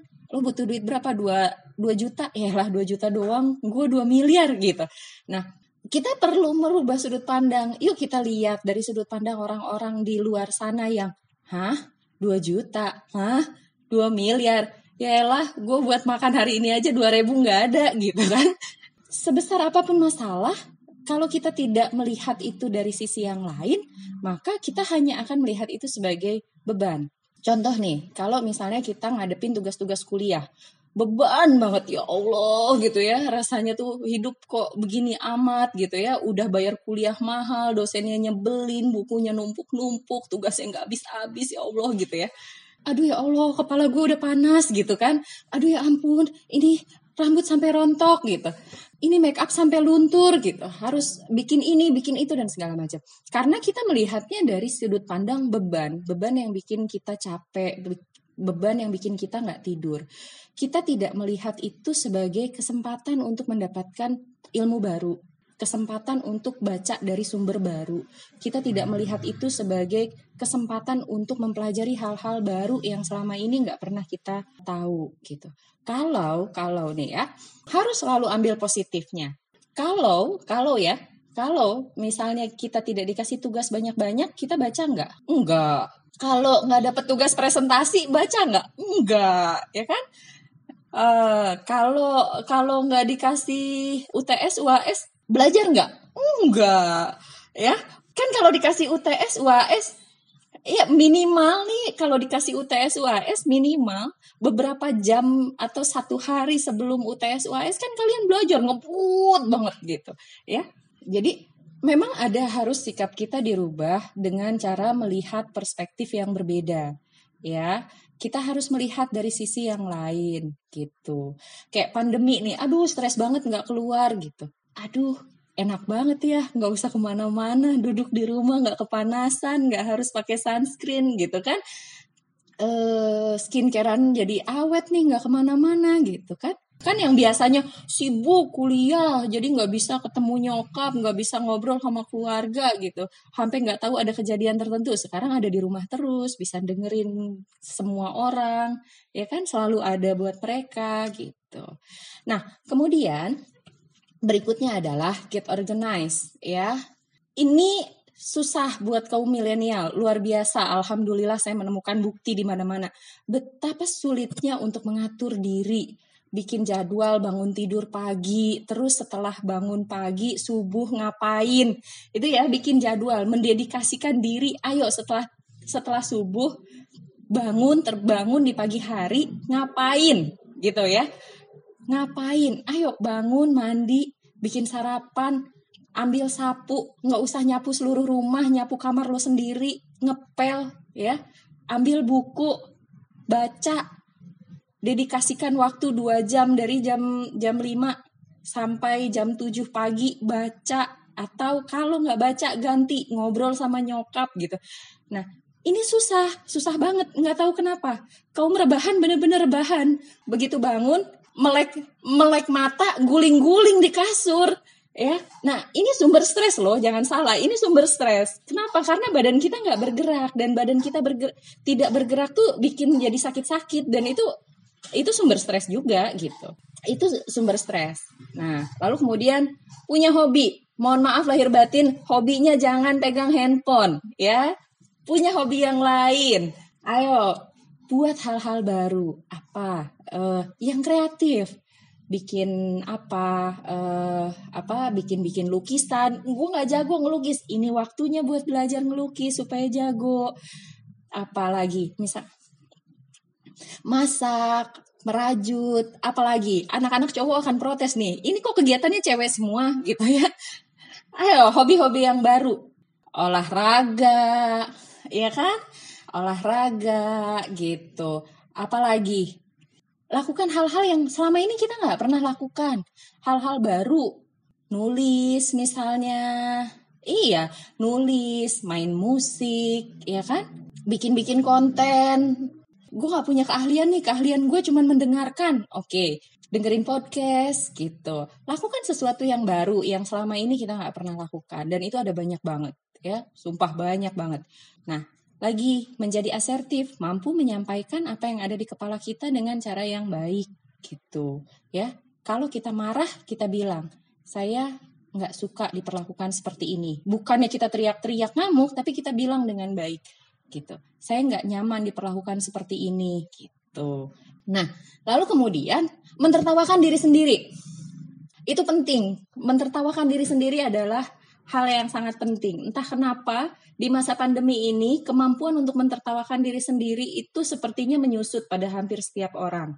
Ketika ada orang lain mentertawakan kita, kita langsung berengut gitu mukanya tuh langsung cemberut Padahal seharusnya ketika orang lain mentertawakan kita, kita ikutan ketawa gitu. Mentertawakan diri sendiri itu penting. Iya nih jatuh nggak kelihatan mata gue rabun hahaha gitu. Biasanya orang-orang yang jago mentertawakan dirinya sendiri adalah orang-orang yang level stresnya masih rendah banget akan akan lebih susah kita uh, menghadapi stres ketika kita tidak mampu mentertawakan diri sendiri. Nah, cara menghadapi stres nih ya, satu olahraga. Olahraga satu hari setengah jam itu wajib. Badan kita bergerak untuk mengurangi kadar hormon pencipta stres di kepala. Melepaskan hormon-hormon yang membuat kita uh, jadi stres itu penting. Olahraga. Uh, selama ini siapakah yang selalu skip olahraga? Nggak usah nggak penting. Ini penting. Selama masa pandemi olahraganya gimana? Bisa sambil lihat YouTube. Kuota nggak punya bu? Oke ngidupin musik apa pun dari musik player nggak perlu online. Offline juga bisa joget-joget sendiri di kamar juga perlu ya. Makan sehat makan sehat ini penting apalagi buat yang selalu mengeluh gue mah nafas doang berat badan gue nambah gitu. Kenapa? Karena dengan dengan pola makan sehat kita jadi nggak sakit kita jadi lebih lebih punya energi untuk melakukan hal-hal yang lain ya. Lalu kemudian mindfulness. Mindfulness ini artinya otak kita nggak ke mana-mana tapi fokus di saat ini ya. Kita nggak sibuk membayangkan apa yang terjadi di masa depan kita nggak sibuk ngomongin apa yang sudah terjadi di masa lalu, yang lalu sudahlah berlalu, kita fokus di saat ini gitu ya. Nah buat teman-teman yang overthinking, yang kepikiran, pikirannya jadi ke mana-mana, nggak jelas, fokus ke momen saat ini. Saat ini apa yang perlu gue kerjain, apa yang perlu gue baca, apa yang perlu gue pelajari. Lalu kemudian positive self talk, bicara sama diri sendiri secara positif. Nanti kita belajar caranya ya, positive self talk gimana caranya ngobrol sama diri kita sendiri dengan cara yang positif. Lalu kemudian guided imaginary. Kalau kalian udah biasa jalan-jalan, traveling, hiking, naik gunung gitu ya. Terus kemudian sekarang terkukung di rumah, nggak boleh ke mana-mana. Main volley juga di garasi sama adek gitu ya, berdua doang gitu bikin guided imaginary. Artinya kita bisa loh sambil rebahan di kamar terus tutup mata membayangkan, membayangkan ya kembali ke momen-momen kita yang zaman dulu gitu ya. Ketika kita lihat pemandangan indah, pemandangan keren. Ini bisa dilakukan sangat-sangat bisa sambil dengerin musik gitu ya. Sambil tenang, sambil rileks, kita membayangkan uh, pemandangan-pemandangan indah yang pernah kita datangi tempat-tempat yang keren atau bahkan kita lihat di laptop oh ada nih tempat keren di Jepang gitu ya. Gunung tertentu mau ke sana. Kita bisa kok membayangkan itu seakan-akan kita ada di sana merasakan desit anginnya gitu. Itu bisa. Ya it's okay. Lalu kemudian uh, batasi uh, orang-orang negatif di circlemu. Tahulah orang-orang negatif yang kayak gimana ya yang toxic positivity ya yang kayak gimana sih toxic positivity? Yang alah masa begitu aja cemen lo gitu ya. Alah segitu aja cemen lo gitu. Atau yang ayo dong gitu. Iya, iya, kalian lebih tahu lah orang-orang seperti apa di sekitar kalian gitu, ya. Orang-orang yang misalnya ya, sorry to say, tapi orang-orang yang kalian merasa dia nih beban banget ya setiap ketemu pasti ngutang gitu. Yang kayak begini udahlah gitu ya. udahlah di skip aja gitu. Atau misalnya misalnya nih, gue pengen uh, lihat-lihat nih, bukalah TikTok, isinya terus yang bikin kita, aduh pacar gue ke mana ya, udah hilang nih menurut TikTok. Katanya kalau dia ngilang dua hari berarti gitu. Itu udah hindari yang kayak gitu, udah stop aja, nggak usah, karena itu malah bikin kita malah tambah stres. Gitu. Lalu jago-jago ngatur waktu, cukup tidur, ya, meditasi. Nah, meditasi ini dia hadir dalam banyak bentuk buat yang muslim meditasi ini bentuknya bisa sholat, bisa zikir gitu ya. Uh, buat yang beragama lain ya tentu bentuknya lain lagi gitu. Uh, yang tidak beragama juga bisa nggak sih yang tidak beragama atau dia mengakui bahwa dia tidak mempercayai Tuhan dia tapi pengen melakukan meditasi bisa bisa banget tapi bentuknya tentu berbeda dengan orang yang orang yang punya kepercayaan akan Tuhan gitu. Expressive writing ya menulis Menulis ini adalah satu kemampuan yang uh, luar biasa keren, tapi entah kenapa saya merasa agak kurang di anak-anak milenial sekarang gitu. Pertama sekali menulis pakai pensil dan kertas ya itu kemampuan kinestetik emosi kita terlampiaskan di situ.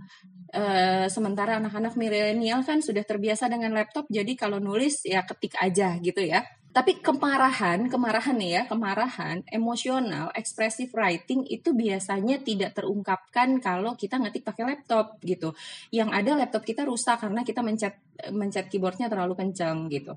Ya, ngambil pensil, ngambil pulpen, lalu ngambil buku, lalu kita coret-coret sampai bukunya apa uh, agak sobek-sobek dikit gitu ya, uh, tertekan ke bawah itu sebenarnya melampiaskan emosional dan boleh gitu. Waktu kita toddler, waktu kita masih kecil itu apa ya saraf saraf-saraf di tangan kita tuh dirangsang dengan boneka-boneka yang apa bagian kakinya tuh ada butir-butir pasirnya gitu. Itu kan merangsang. Sebetulnya itu tergantikan tergantikan dengan proses ketika kita dewasa, kita masak, tangan kita menulis gitu. Jadi saraf-saraf di tangan kita itu melam, menyalurkan emosional melalui itu. Expressive writing menulis apa pun yang kita rasakan, kemarahan, kebencian, emosi, hal-hal yang tidak tersampaikan disampaikan melalui tulisan itu itu sangat membantu sih dalam menghadapi stres ya.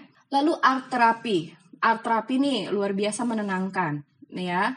E, bikin sketsa ya, e, mewarnai gitu ya. Lalu kemudian e, coba deh teman-teman e, lihat beberapa website art ya. Apakah itu lukisan atau dia pakai pensil kah atau pakai krayon gitu. Dan belum tentu dia bentuknya lukisan. Artinya uh, dia bisa jadi uh, keterampilan tangan gitu ya. Misalnya bikin-bikin tertentu gitu ya, lipatan kertas, origami itu uh, sungguh sangat meredakan stres gitu. Termasuk juga bermain alat musik gitu ya, belajar belajar bahasa gitu. Uh, termasuk bikin puisi gitu itu juga eh, sangat-sangat uh, efektif untuk uh, meredakan stres. Dan ya khusus untuk teman-teman yang merasa bahwa uh, hidupnya mulai berantakan semenjak COVID misalnya karena dianggap main lulu, bawa virus ke rumah gitu ya, lalu dikurung gitu-gitu ya. teman-teman boleh kok minta bantuan. Pemerintah buka layanan psikologis gratis namanya Sejiwa teman-teman klik 119 extension 8 itu gratis boleh para para psikolog dari HIMSI akan hadir di situ menanggapi teman-teman gitu. Sangat-sangat boleh ya. E, jangan karena karena gini, stres ini buat kita yang normal itu adalah hal-hal yang masih bisa kita siasati. Tapi buat teman-teman yang yang dia punya masalah uh, kesehatan mental, let's say misalnya bipolar gitu ya, atau uh, manik depresif atau yang lain-lain yang memang diputuskan oleh para psikiater, maka mau nggak mau kita harus uh, berani untuk minta bantuan orang-orang yang ahli di bidangnya, gitu ya. Nah ini ada ada gugus tugas layanan psikologi selama COVID ya dari HIMSI. Ini linknya teman-teman bisa bisa apa? Ada ada linknya, ada tiga linknya. Teman-teman juga bisa bisa buka websitenya Kementerian Perlindungan Perempuan dan Anak ya untuk panduan manajemen stres saat pandemi COVID gitu. Itu lumayan lengkap isinya. Bisa kita share ya Bu? biar Iya dong, boleh di-share ya nanti ya. kadang teman curhat ke tuh kita nggak bantu juga ya kalau misalnya udah akut banget gitu mendingan kita Mm-mm, serahkan aja mm-mm. ke pihak yang Profesional. iya, betul. Iya, betul. Gitu. Nah, itu penjelasan saya untuk menghadapi stres. Sampai sini ada teman-teman ada yang mau ditanyakan lagi nggak sebelum kita belajar self talk? Mungkin eh, kalau misalnya kita bacain curhatan curhatan dari gimana Bu? teman-teman gitu. Dari kom- Boleh, boleh, boleh, boleh. Yuk. Ini sebetulnya sudah dibahas sama Ibu tapi mungkin lebih personal ya Bu ya. Oke. Jadi dari commerce nih Bu, ada yang curhat. Ada yang curhat. Katanya gini, semenjak pandemi kan lebih sering di rumah. Jadinya aku juga lebih sering dengar kakak dan ortu aku berantem. Bahkan sampai di tahap yang aku bisa dengar suara mereka berantem walaupun nggak ada sama sekali yang berantem. Jadi masih kebayang-kebayang terus loh Bu, padahal di luar tuh kosong-kosong aja gitu. Nah, itu kira-kira kenapa ya dan gimana ya cara ngatasin itu semua? Ini ada curhatan dari commerce kayak gitu, Bu.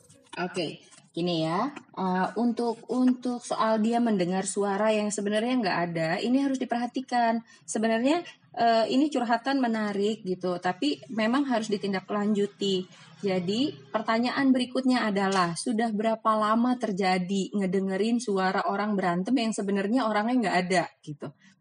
Kenapa? Karena tadi seperti stres, maka gejala-gejala kesehatan mental yang lain juga punya simptomnya sendiri gitu ya.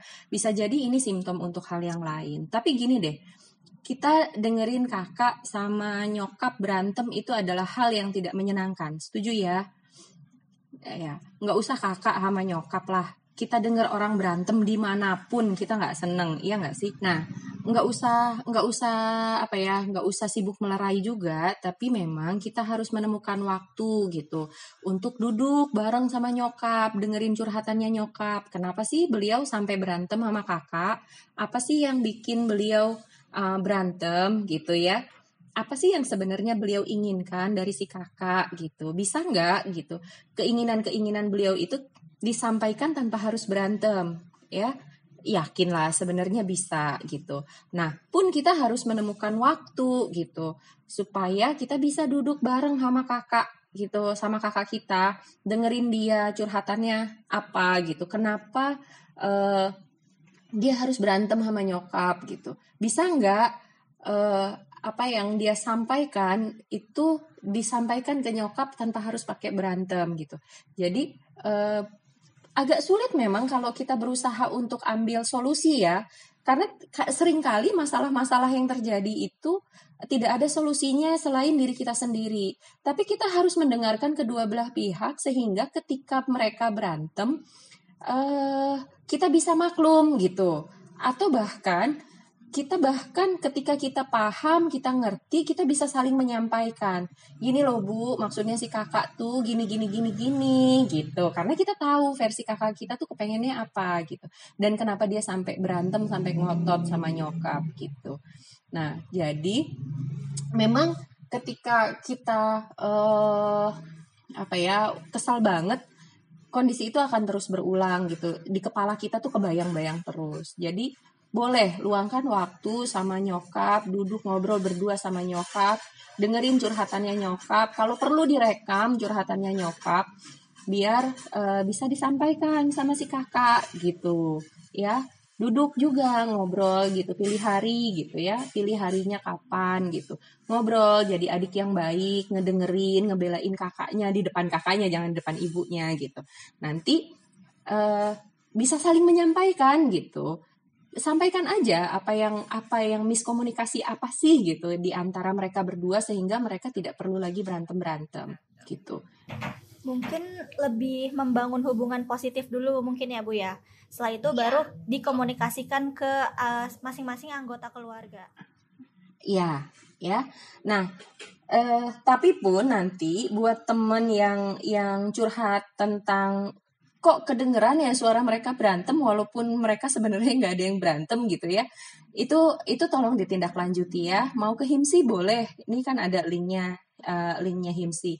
Uh, sudah berapa lamakah gitu dengerin dengerin suara orang berantem tapi sebenarnya kakak dan ibunya lagi nggak berantem gitu. Apakah itu konstan terjadi gitu apakah sudah lebih dari tiga bulan dan selalu terjadi gitu. Itu uh, itu perlu ditanya lagi. Apakah pada kasus yang lain pernah juga terjadi? Misalnya uh, mendengar ada orang ngobrol padahal tengok kiri kanan nggak ada orang ngobrol atau mendengar ada orang yang ngomong ke dia tapi padahal nggak ada siapa-siapa gitu. Itu perlu ditindaklanjuti ya. Harus ada harus ada tambahan informasi lain selain itu. Gitu. Betul. Terus selanjutnya ada lagi nih bu curhatan semenjak pandemi semenjak pandemi aku tuh ngerasa ada banyak perubahan nih. Sebelum pandemi ini tuh sebetulnya aku ini orang yang biasa-biasanya kayak bodoh amatan lah nggak pedulian gitu. Nah semenjak pandemi awal-awal tuh masih have fun banget. Lama kelamaan udah mulai burn out karena tugas dan nggak bisa curhat ke teman-teman juga. Mungkin karena online juga ya bu ya. Terus iya. kita jadi sungkan juga untuk curhat sama temen. Karena mereka juga punya kesibukan masing-masing Nah, pas masuk 2021, aku ngerasa aku jadi emosional, kemudian pokoknya jadi nggak nggak jadi nggak jadi diri sendiri lah gitu. Apalagi bulan Mei itu Mei ke sananya sekarang jadi lebih sensitif gitu, gampang banget kesinggung. Pokoknya bener-bener kerasa beda dan nggak kenal sama diri sendiri gitu. Ditambah lagi tuh kayak tugas, proker, lama-lama tuh jadi ya emang stres atau naik turun banget gitu overthinking juga makin parah banget. Biasanya tuh ke distract karena kuliah sih bener-bener dirasain sendiri. Aku bingung aku tuh kenapa gitu? Apa ini salah satu dampak stres dalam pandemi karena aku nggak bisa ngelola stresnya atau gimana ya gitu? Oke aku jawab ya. Ini pertanyaan yang menarik tapi sebelum aku jawab, aku mau tanya dulu, teman-teman, apakah ada pandemi atau tidak ada pandemi tugas-tugas kuliah berkurang? Sama aja sebetulnya, Ibu. Sama aja, ya. Uh, apakah kegiatan aktivitas di kampus, organisasi organisasi-organisasi di kampus, terus kemudian mati jadi tidak ada kegiatan? Enggak juga sih di online gini juga pasti kita ada kegiatan ya kak proker-proker masih terjalan gitu ya. Iya. Oke, okay, baik apakah dengan adanya pandemi proker-proker jadi jadi banyak banget gitu? Mungkin karena karena pandemi ini kadang suka jadi miskomunikasi gitu loh Bu sama teman-teman satu ah, okay. divisi gitu. Oke, okay, oke. Okay. Baik. Jadi artinya proker, tugas kuliah gitu ya, tuntutan-tuntutan yang lain gitu. Itu ada pandemi atau enggak ada pandemi kan tetap ada gitu ya. Artinya yang kita alami memang akan dialami oleh semua orang yang memang kuliah gitu. Aku jadi nggak kenal sama diri sendiri, semua orang stres begitu, ya. Nah, sayangnya uh, teman kita nih satu dia sudah ada di titik stres yang merugikan diri sendiri, tidak lagi stres yang baik yang kemudian memotivasi kita untuk menyelesaikan tugas-tugas, tapi sudah ada pada titik stres yang membuat kita menarik diri dari lingkungan sosial, yang membuat kita kemudian memandang segala sesuatu jadi beban, ya. Nah, eh, kenapa sih aku kayak gini? Karena kamu stres, ya. Itu. Karena kamu stres jadi kamu kayak gini. Tapi kamu harus paham bahwa yang kamu alami itu dialami oleh semua mahasiswa di seluruh dunia. Saya mau cerita dulu bahwa 20 tahun yang lalu, 20 tahun yang lalu tuh tahun berapa ya? Tahun 2000 ya? 2000. Ya. Ya, Steve Jobs, Steve Jobs tuh di Apple dia sudah bekerja sama dengan 2000 universitas di seluruh dunia untuk bikin iCollege, ya. Ada yang namanya iCollege. Jadi artinya kalau kalian klik iCollege, kalian bisa mengakses materi kuliah dari semua universitas di seluruh dunia gratis kalau kalian pakai Apple. Jadi itu bukan cuman gadget untuk teleponan doang loh gitu, ya.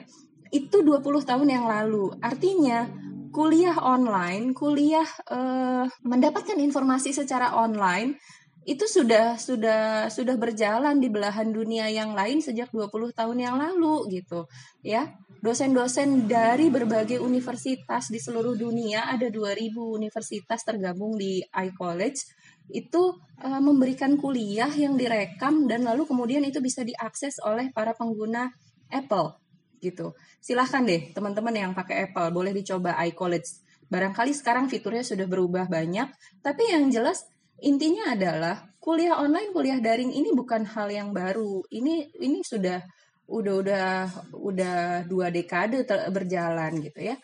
Uh, perkuliahan seperti ini tuh bukan bukan hal yang baru. Perkuliahan seperti ini terjadi itu baru di negara kita karena ada pandemi. Dipaksa mau nggak mau kita harus maju secara teknologi.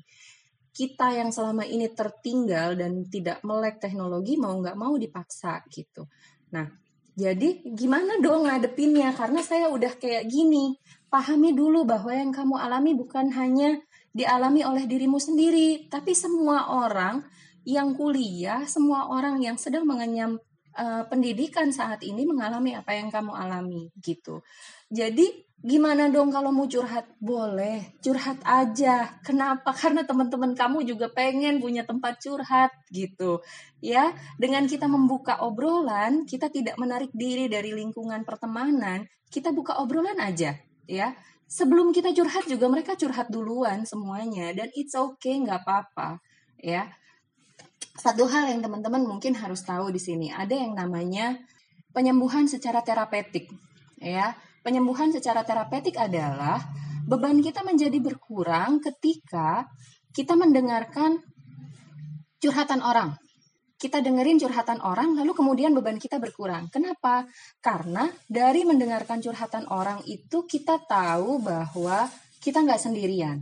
Kita tahu bahwa uh, bukan hanya kita yang menderita. Kita tahu bahwa jalan cerita orang juga ada yang jauh lebih buruk. Di situ kita mulai bersyukur, di situ mulai kita bicara sama dia bukan untuk dia, tapi untuk diri kita sendiri. Penyembuhan yang utama adalah ketika kita mendengarkan suara kita sendiri, ketika kita berusaha membuat orang lain bangkit, sebenarnya kata-kata kita itu ditujukan untuk diri kita sendiri. So, it's okay buat menghubungi teman-teman, terus kemudian mau curhat sama teman-teman. Bisa jadi bukan bukan kita yang curhat tapi kita malah dengerin dia curhat. It's okay nggak masalah gitu ya.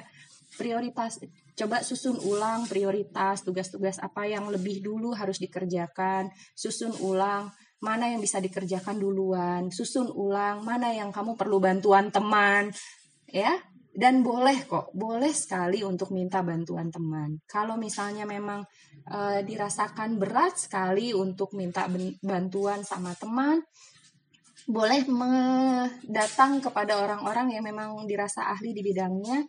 Kalau sulit untuk menghubungi orang-orang di HIMSI karena merasa orang-orang asing mau menghubungi saya di di apa di nomor saya Japri juga nggak apa-apa boleh gitu. Boleh banget. Ya.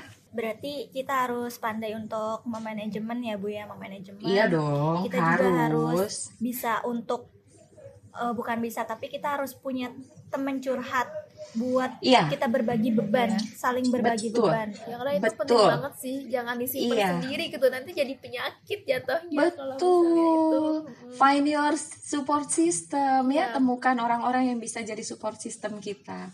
Berarti harus terbuka dulu sebetulnya ya Bu dari kitanya. Karena kita udah iya. ngerasain kayak gini kita nggak perlu takut untuk uh, ngerasa kayak ah teman-teman tuh paling sibuk gitu. Padahal sebetulnya teman-teman juga terbuka gitu. Ada telinga yang siap untuk mendengarkan dia. Iya betul. Ya kita merasa ah teman-teman kita sibuk. Padahal teman-teman kita juga merasakan apa yang kita rasakan gitu. Nggak apa-apa boleh. Atau sekedar menghubungi teman lalu tidak curhat tapi bercanda ya e, membawa humor itu perlu penting gitu ya ketika humornya udah selesai, ketawa-ketawanya udah kenyang, udah sampai guling-guling, udah sampai pengen pipis, terus baru kita curhat, itu lebih menyenangkan, itu lebih melegakan karena curhatnya jadi lebih enteng rasanya. Kita udah ketawa-ketawa gitu. Dengan kita terbuka dan saling memahami, jadi teman-teman kita juga tahu sebetulnya semua orang tuh punya masalah masing-masing ya, Bu. Jadi iya. kita harus terbuka dulu.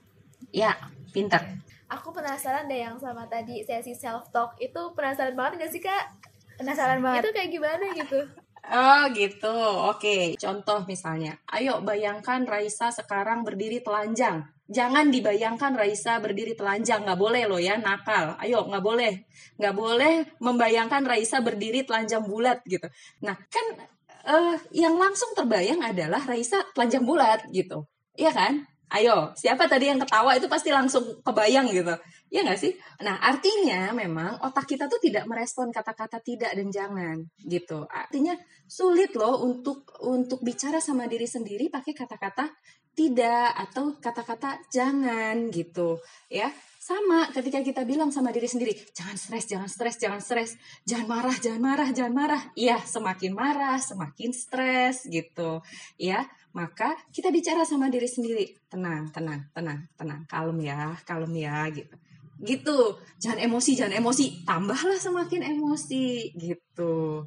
Ketika kita bilang sama orang, jangan emosi, maka yang kalau kita sudah tahu bahwa otak kita sulit mencerna kata-kata jangan dan tidak, jangan emosi itu efeknya yang dicerna oleh otak kita adalah emosi.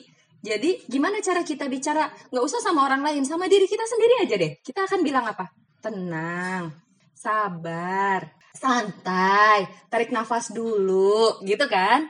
Ya, nah begitu. Jadi coba bikin list dulu, list dulu diri kita sendiri kayak gimana saya biasanya saya bikin list saya menganggap diri saya seperti apa maka saya tulis tuh saya item ya kan saya tembem ya kan rambut lepek mata sipit terus kemudian semua negatif negatif negatif negatif negatif gitu bangun terlambat ya enggak sih ya kalau tidur e, larut malam sering insomnia semua hal yang negatif nah coba kata-kata daftar kata-kata yang yang negatif itu kemudian ya kita ubah jadi positif. Kita ubah nih, kita ubah jadi positif. Misalnya, selalu bangun terlambat.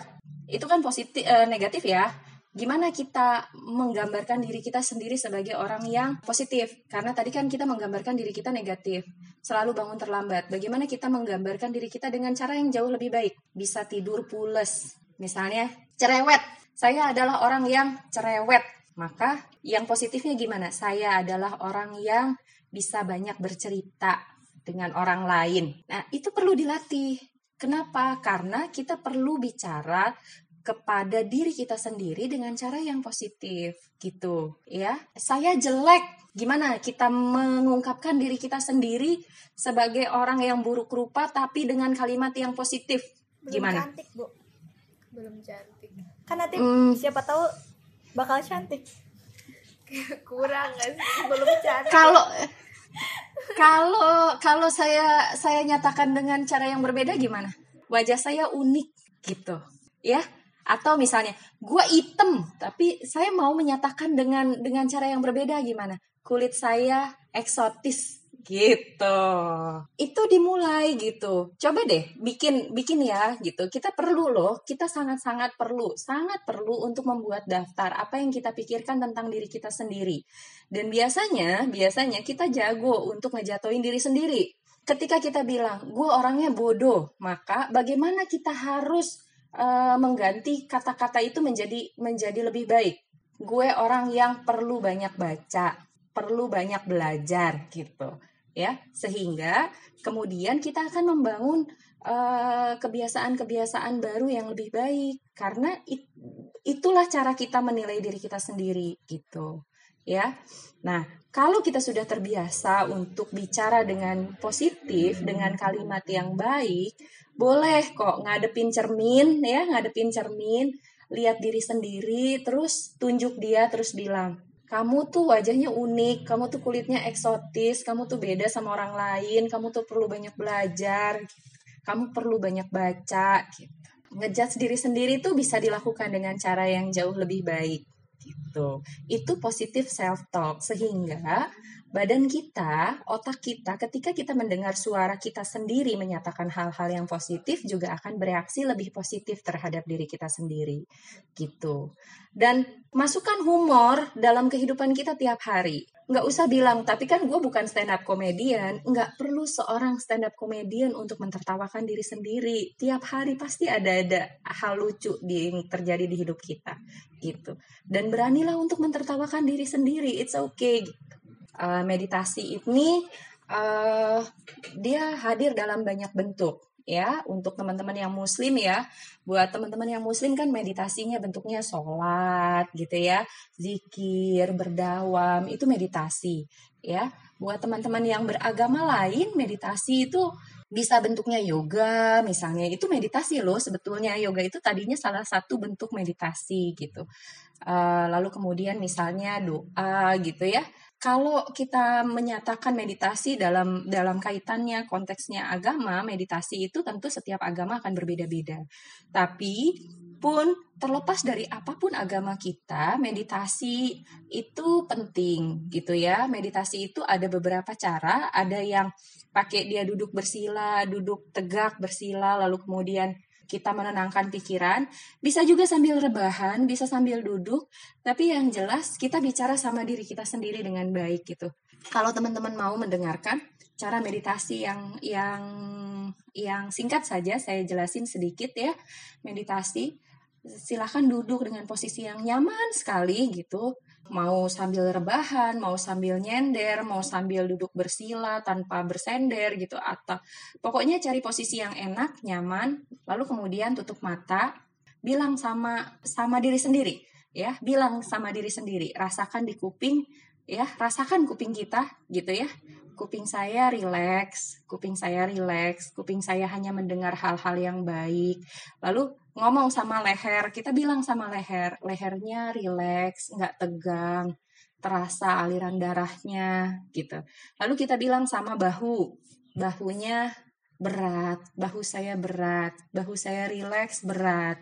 Lalu itu bahu yang tadinya tegak akan turun tuh pelan gitu karena kita bilang sama diri kita sendiri untuk untuk bahunya memberat turun gitu. Tangan saya berat, maka tangan yang tadinya kaku di posisi tertentu akan jatuh. Tangan saya berat seperti handuk handuk berat, handuk basah gitu. Relax perut, pinggang, paha gitu ya, betis, relax. Ketika itu semua sudah relax, itu adalah posisi kita di gelombang alfa. Jadi di sekitar kita adanya ada di gelombang alfa. Itu biasanya itu hanya posisi sebentar saja menuju tidur gitu. Tapi di posisi itu adalah kondisi terbesar kita untuk belajar gitu ya. Jadi kita memasuki gelombang alfa adalah satu kondisi yang jarang sekali terjadi gitu. Karena biasanya kalau kita masuk ke gelombang alfa, 5 menit kemudian kita akan terlelap tidur. Tapi gelombang alfa ini adalah kondisi terbaik untuk belajar dan melepaskan segala stres. Gitu. Jadi potensi kita belajar menyerap ilmu pengetahuan akan jauh lebih baik ketika gelombang kita di alfa dan kemampuan kita melepaskan stres juga akan jauh lebih baik ketika kita berada di gelombang alfa. Nah, ketika kita sudah ada di gelombang ini, kalau teman-teman mau meningkatkan kemampuan untuk belajar, teman-teman bisa setel rekaman suara dosen ngajar, boleh itu masuk langsung ke otak karena langsung ada di posisi alfa, gelombangnya gelombang alfa, frekuensi di otaknya. Atau teman-teman bisa memanfaatkan gelombang alfa ini untuk mengurangi stres ketika badan kita sudah sangat rileks, bahu kita sudah sangat berat, tangan kita juga berat, lunglai, sudah pun begitu juga dengan seluruh tubuh kita, kita bisa membayangkan, mulai membayangkan hal-hal yang membuat kita stres, lalu bayangkan juga apa yang teman-teman lakukan untuk mengurangi stres itu. Bayangkan bahwa stres itu kemudian beralih, berangsur-angsur hilang, lalu kemudian menghasilkan sesuatu yang menyenangkan. Itu uh, melepaskan stres dengan cara sadar memasuki gelombang alfa. Boleh dilakukan sama teman-teman, boleh dicoba suatu saat nanti kalau punya waktu di rumah masing-masing atau sambil sambil ngumpul begini juga nggak apa-apa dicoba gitu. Kalau sambil ngumpul begini sih biasanya agak lebih sulit uh, dilakukan karena kita biasanya terganggu oleh suara teman-teman di sekitar gitu. Tapi bukan berarti tidak bisa dilakukan, bisa kok. Kalau mau dicoba silahkan. Nah, dengan kita badan kita rileks gitu, nafas kita jadi akan lebih teratur, kita juga jadi bisa menarik udara segar dari dari luar masuk ke paru-paru lalu kemudian menghembuskan uh, beban berat dan stres yang kita alami gitu. Kemudian bentuk support group. Kalau teman-teman punya kelompok-kelompok tertentu seperti seperti ini nih sekarang ya acara kita ini kan terdiri dari banyak orang ya bikin support group. Support group yang kemudian fungsinya menjadi pusat kita untuk merasa rileks, kita merasa tahu kalau ada orang-orang ini kita bisa santai, kita bisa uh, beban kita sedikit uh, berkurang gitu ya. Lalu kemudian teman-teman yang bisa kita ajakin ngayal bareng, teman-teman yang kita tahu kita bisa merencanakan pergi bareng sama mereka gitu. Suatu hari nanti ketika pandemi selesai kita bisa pergi bareng sama mereka gitu ya. Atau kita tahu nih ketika support group ini ada, kita bisa menyaring informasi sebelum kita share ke teman-teman yang lain sehingga kita tidak menimbulkan kecemasan lebih jauh gitu.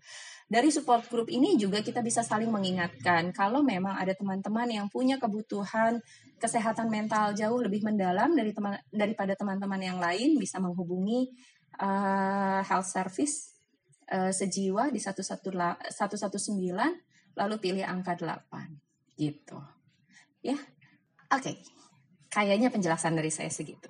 Ini buat commerce pasti punya sih yang namanya bentuk support group. Apalagi circle dari SMA atau SMP itu uh, pasti bisa membuat relax lah kita, hidup kita relax. Kita nggak sendirian kok, ada orang-orang yang bersama kita. Iya betul, pertemanan, persahabatan eh, itu penting banget memang untuk mengurangi stres.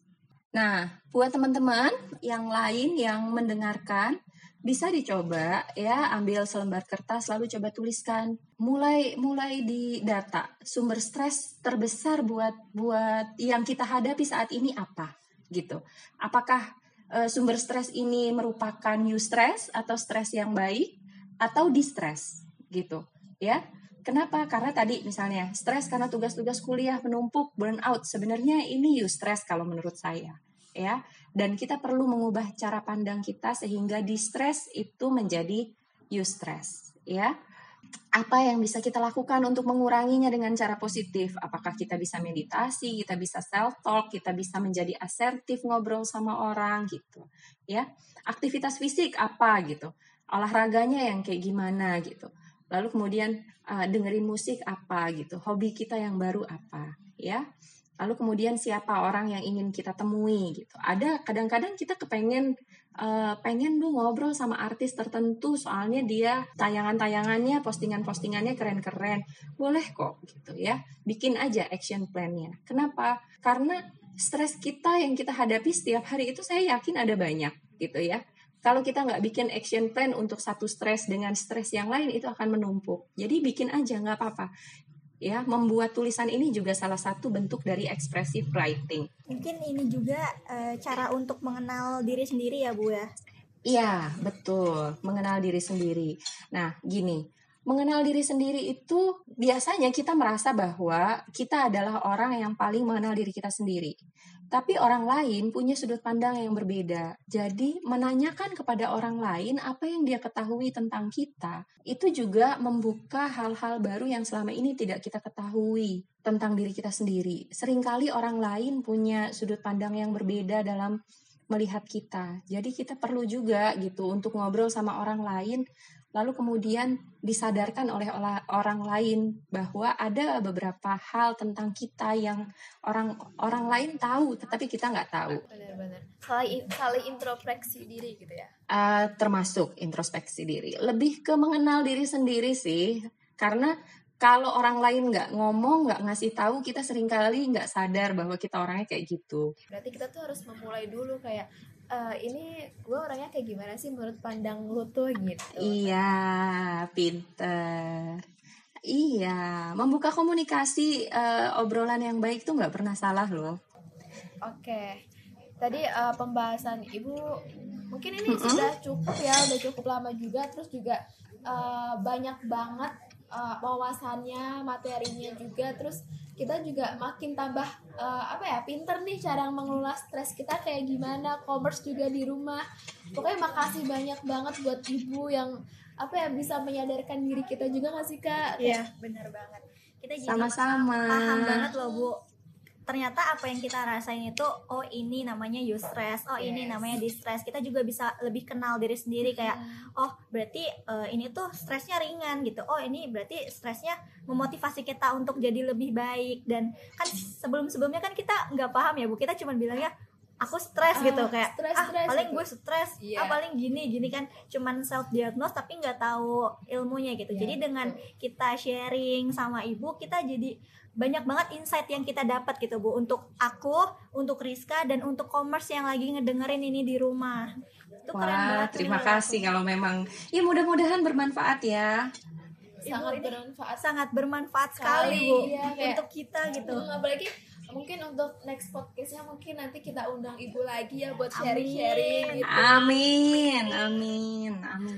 dan kita juga ternyata juga butuh teman curhat juga ya. Mungkin kita bahas di episode selanjutnya. Menjadi teman curhat yang asyik tunggu aja ya commerce untuk uh, podcast selanjutnya. Dan mungkin kita closing lah ya untuk episode kali ini.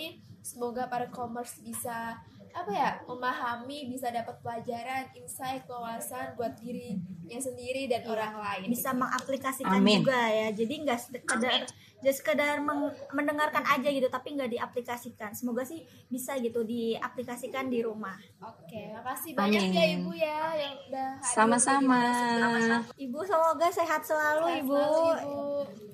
Sama-sama kalian juga ya. Amin. Dan stay tune juga untuk episode selanjutnya. Bye bye. See you, Bye. Commerce.